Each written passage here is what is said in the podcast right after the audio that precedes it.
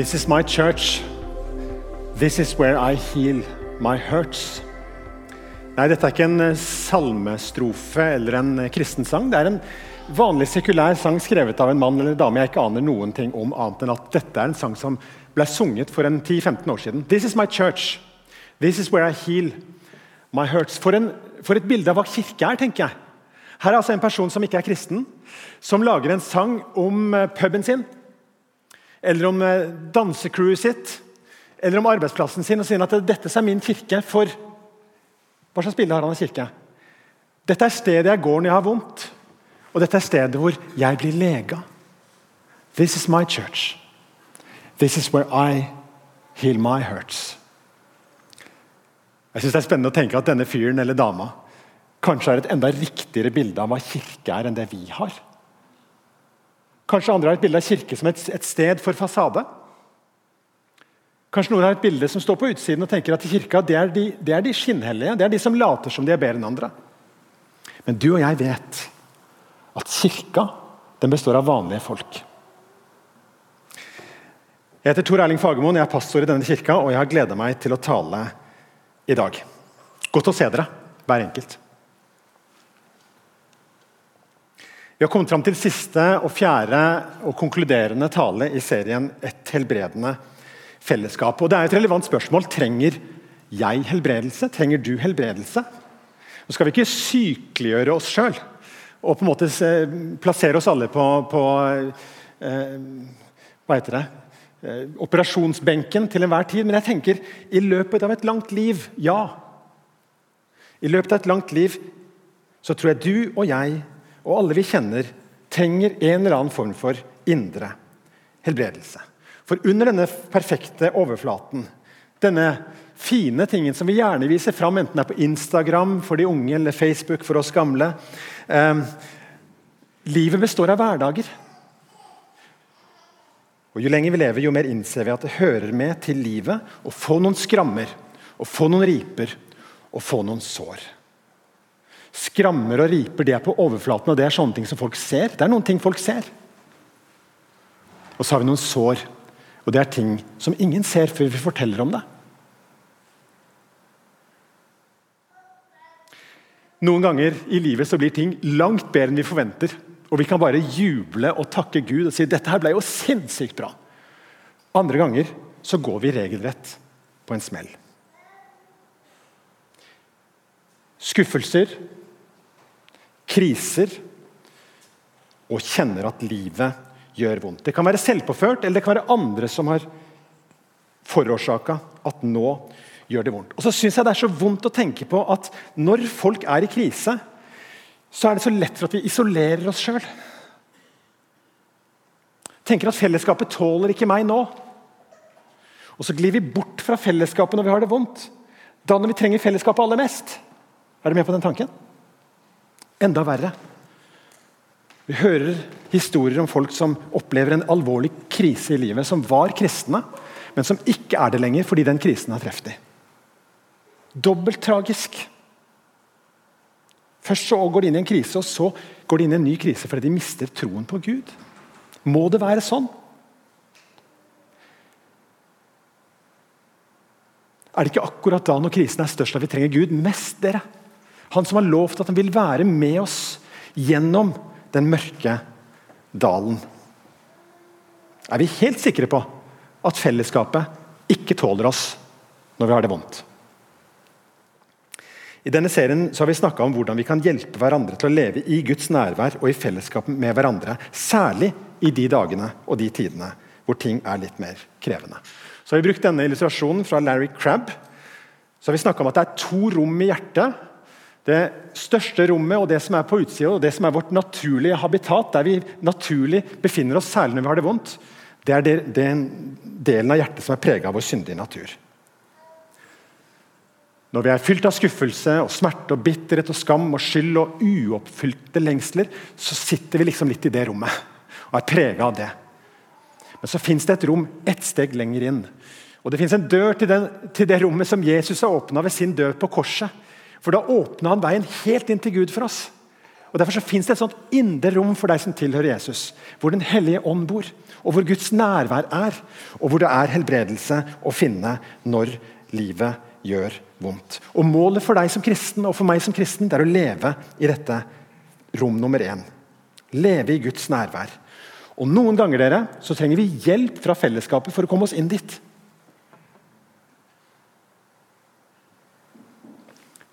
Når det gjør vondt. Så har vi tidligere i denne taleserien sett, uh, hørt om Peter, vi har hørt om Josef fra Det gamle testamentet vi har hørt om David. Og I dag skal vi se på et par og hvordan de takla beskjeden om at de skulle bli foreldre til et annerledes barn og under litt andre omstendigheter enn det de drømte om. Vi skal få se på Maria og Josef i Det nye testamentet. Men før vi går til bibelteksten, så skal jeg vise dere et klipp fra filmen 'Little Miss Sunshine'. Dette klippet her er henta fra en uh, biltur vi skal møte tenåringsgutten Dwayne. Han vil bli jagerpilot. Det er hans store drøm i livet. og akkurat nå i bilturen som er litt kjedelig, så leker han stilleleken. Hans litt irriterende lillesøster eh, har bestemt seg for å kjøre diverse synstester på han mens de kjeder seg i trafikken. Det som kommer fram her når lillesøster Olive kjører sine morsomme synstester på storebror Dwayne, er at han er fargeblind. Og så er det en sånn bedreviter av en onkel, som vi sikkert alle har, som eh, syns det at eh, nå er det på sin plass å fortelle den unge mannen at eh, da kan ikke du bli jagerpilot likevel. Og så si at Dwayne sin verden faller i grus, er en underdrivelse. Det er full krise. Han får total meltdown. og Selv om de er midt i trafikken og egentlig har det travelt for å rekke det de skal, så må han ut av bilen og klippe ender som dere så, med at Dwayne sitter i veikanten og skriker ut sin fortvilelse og smerte. Kan du relatere til Dwayne? Eller er Dwayne en i din omgangskrets? Det er noen ganger det gjør så vondt at du bare må ut av bilen og du må bare skrike. Det er det eneste riktige er å skrike. Kanskje er det deg en gang langt tilbake i tid. Og det punktet i livet ditt var så vondt at egentlig så er du litt sånn støkk der. Går du og bærer på en smerte som ingen vet om? Gordon Johnson på Modum sa at det vi får bevisstgjort, kan vi ofte gjøre noe med. Det vi ikke får bevisstgjort, gjør alltid noe med oss. Og Hvis, er Dwayne, hvis Dwayne er deg, hvilken rolle kan fellesskapet spille? Og Hvis Dwayne er en av de andre i din nærhet, hva kan du gjøre? Og hva kan vi gjøre? Nå skal vi til Maria og Josef. Ting ble ikke helt som de hadde tenkt. La oss lese fra Matteus 1, 18. Med Jesu Kristi fødsel gikk det slik til. Hans mor Maria var lovet bort til Josef, men før de var kommet sammen, viser det seg at hun var med barn ved Den hellige ånd. Marsipanen har kommet i butikken, har den ikke det? Jule, julemarsipanen, så det er tid for, nå for å begynne å tune litt inn. Når det er jul, og når vi hører fortellingen om Maria og Josef, så blir denne historien så vakker. Josef han blir en litt sånn passiv og trivelig bestefar som alltid smiler på bilder. Jeg syns ikke det treffer nerven og følelsene i det som egentlig skjedde. Den, den virkelige Josef han tror jeg hadde det mer sånn som Dwayne.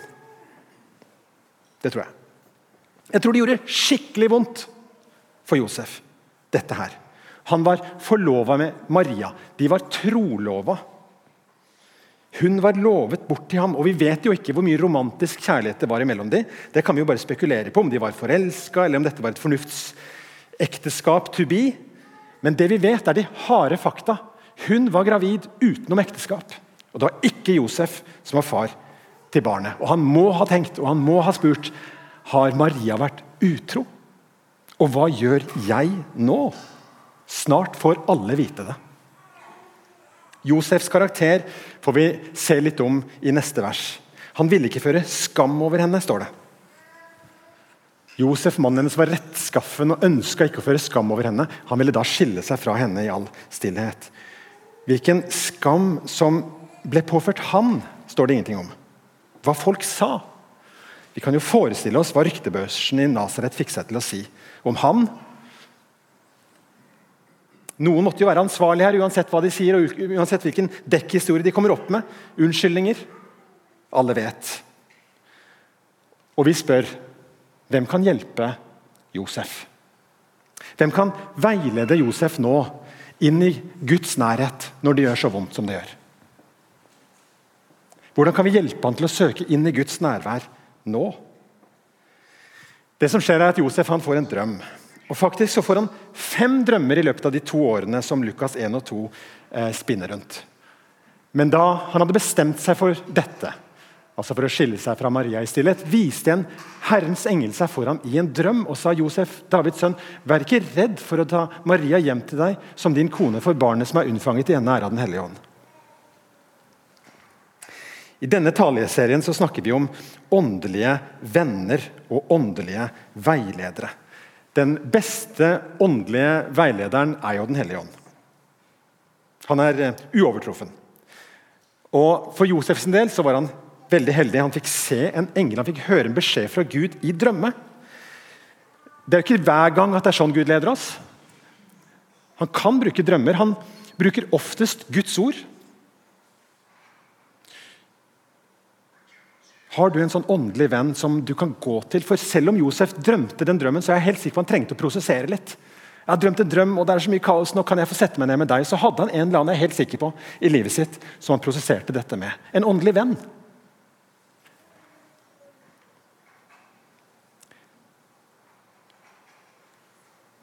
La oss gå til Maria. Som kjent så får hun besøk av en engel som gir beskjed. Og Det er heller ikke den vanligste måten å bli ledet av Gud på. Um, hun er ikke den første som opplevde at en engel kom og talte til henne. Heller ikke den siste. Uh, men hvis du er litt misunnelig på henne, så kan vi ikke si det sånn at uh, Maria trengte det. Hun skulle tross alt bli mor til Guds sønn.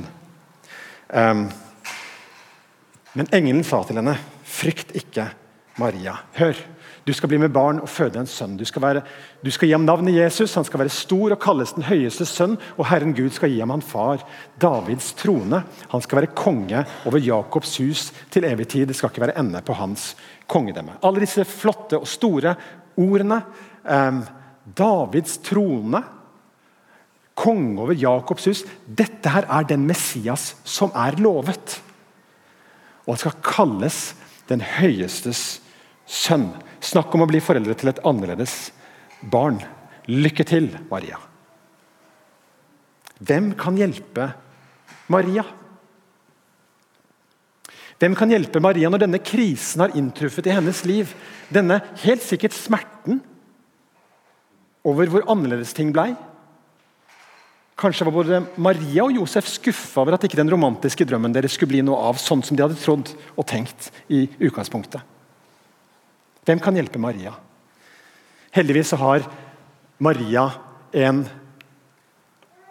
slektning som heter Elisabeth. Som er litt eldre nå, som også er gravid og som også har fått høre om det på underlig vis. Hun er altså på vei til å bli mammaen til døperen Johannes. Og jeg synes Det er rørende å lese den fortellingen der om når Maria har fått sin beskjed, så går det bare noen få dager, så oppsøker hun sin slektning Elisabeth, som engelen sa til at også er med barn i sin høye alder. Og Når de møtes, så står det at barnet i Elisabeths mage springer av fryd.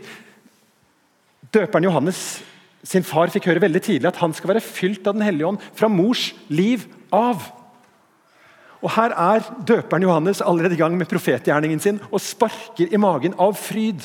Og Maria bryter ut i lovsang fylt av Den hellige ånd og sier hva kan det være som gjør at min Herres mor kommer til meg?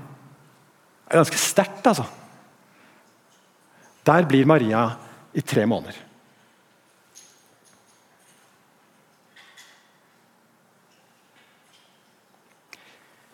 Hvem kan du være en Elisabeth for? Ser du en Maria i din nærhet? Og Hvis du er Maria som har fått nyheter om et annerledes barn som skal bli ditt barn, eller kanskje du har blitt gravid utenom ekteskapet, hvem har du som du kan snakke med? Som kan beskytte deg? Som kan tale Guds ord inn i livet ditt og forsikre deg om hans kjærlighet inn i ditt liv? Denne taleserien handler om dette. Hvordan kan vi hjelpe hverandre til å være i Guds nærvær også når det er tøft? Står det noe sted i Bibelen at når vi har det vondt, så passer ikke Gud sammen med meg og deg? Står det noen steder i Bibelen at hans kjærlighet til deg svekkes i takt med din synd? Står det noen steder i Bibelen at det problemet her er for stort for Gud? Jeg kan ikke komme inn i hans nærvær nå. Jeg må vente litt til jeg har, litt, har litt bedre stemning inni meg. Står det noen steder i Bibelen? Det gjør jo ikke det. Men å se det er ikke så lett.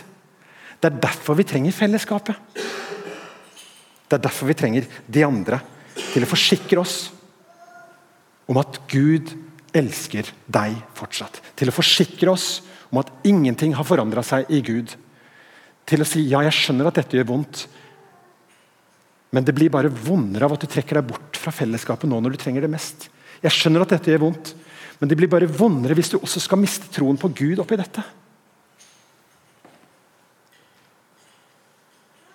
Larry Crabb han sier det sånn i, i den boka som vi har hatt som utgangspunkt for denne taleserien. Du er ikke din smerte. Du er ikke din synd.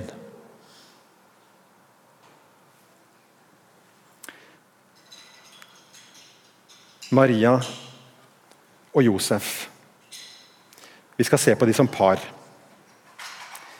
Dette her som hadde skjedd, innebar knuste drømmer for både Josef og Maria. Kan vi se for oss. Det var ikke sånn de hadde sett for seg at livet skulle bli.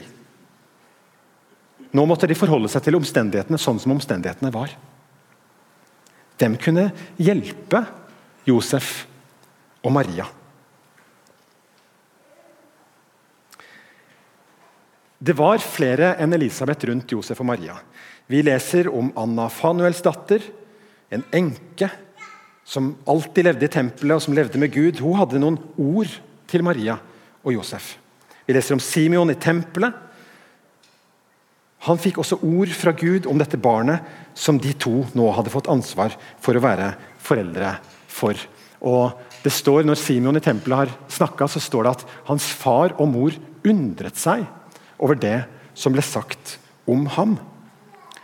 Simon hadde også et sterkt uttrykk. Han sa ja til Maria. Også gjennom din egen sjel skal det gå et sverd. Vi aner noe av at Maria skal bære en smerte i livet. Også gjennom din egen sjel skal det gå et sverd. Vi kan bare ane. Vi hører ikke så veldig mye om Jesu barndom. Eh, og Josef og Maria sitt foreldreskap. Men vi, vi leser om Jesus som tolvåring. Da er han på vei til, De er alle sammen i Jerusalem, og så forsvinner Jesus for de i alt det viraket. Og så er, det, er de kommet langt på hjemvei og trodde han var i følge, og så oppdager de at gutten er borte. og Så må de helt tilbake til Jerusalem og leite, og der finner de han etter tre dager. Når jeg var liten, så var det der sånn som skjedde på Ikea. Du kunne ikke være på Ikea en eneste gang uten at det ble ropt fra høyttaleren at eh, Lukas står her og griner. Skynd deg hvis du er mor til Lukas. Vi gidder ikke å passe på han lenger nå. Han har det vondt, du må løpe, du må løpe. Du må... Sånn er det ikke mer. Jeg tror kanskje det er mobiltelefonene som gjør det, eller noe annet som gjør at det er nesten ikke sånn lenger på Ikea. Men sånn var det før. jeg var liten, og Stadig var det noen som forsvant og stakk av. Og det var kanskje morsommere også å være barn før enn det er nå. De fant han i tempelet. Og Jesus, eh, den litt veslevoksne Jesus eh, er overraska over at de har leita, og sier eh, Hvorfor lette dere etter meg? Visste dere ikke at jeg må være i min fars hus? Men de forsto ikke hva han mente med det han sa til dem. De ble slått av undring. De undra seg over det som ble sagt. De forsto ikke hva Jesus mente når han var tolv år og sa sånne store ord til dem. De var i alle mulige forståelser av ordet foreldre til et annerledes barn.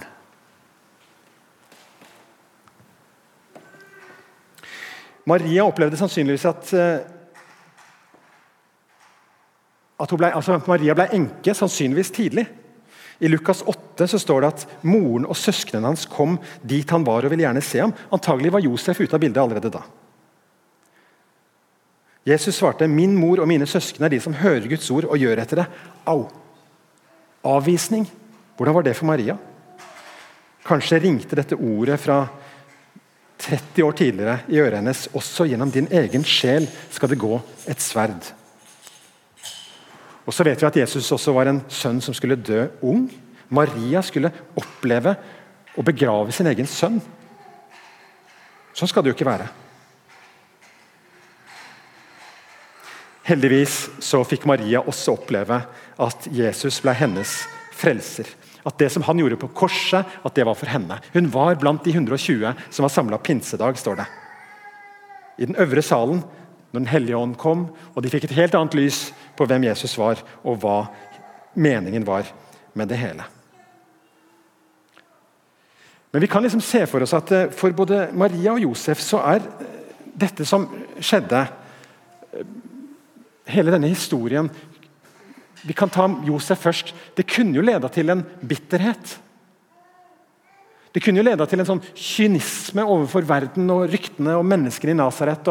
Han kunne blitt hard og kald og vært en dårlig pappa, men det ser ut som at han var en god pappa for Jesus.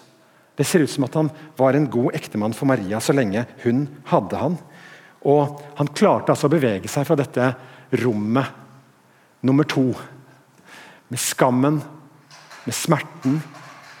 I hans tilfelle ikke skyld, men absolutt uoppfylte lengsler. Og så fikk han lov til å bevege seg inn i rom nummer én.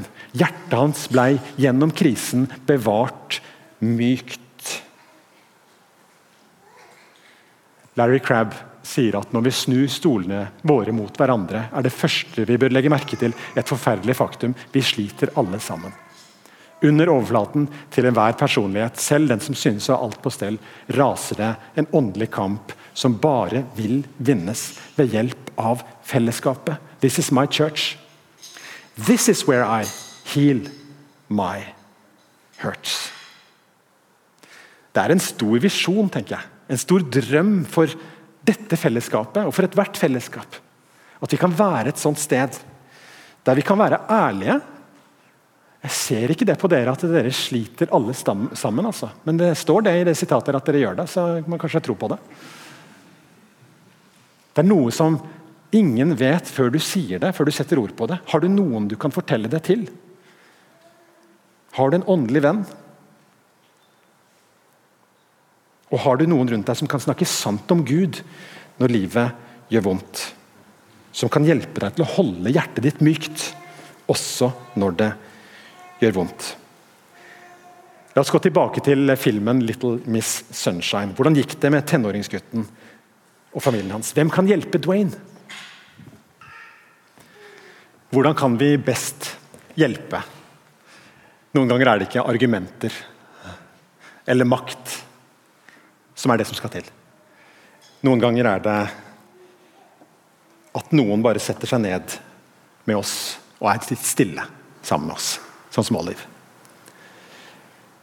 Jeg vet ikke med deg, men når du har det skikkelig vondt Det er veldig mange som da erfarer at Gud blir taus.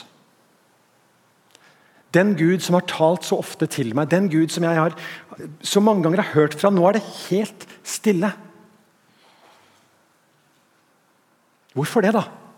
Når jeg allerede har det vondt, så får jeg liksom dobbel smerte av at Gud er taus. Kanskje, uten at det nødvendigvis er hele svaret, er, er, er greia at Gud noen ganger gjør sånn som Olive i denne filmen. Bare er der med deg. Gjennom det som er vanskelig for dette. Hvilke ord skulle funka da? Det er jo vondt. Hvem kan hjelpe? Er du stuck? Fordi det som gjorde så vondt, det har du ikke snakka med noen om. Du føler at du sitter fortsatt i den grøftekanten og har vist fing til hele fellesskapet ditt når det gjelder dette.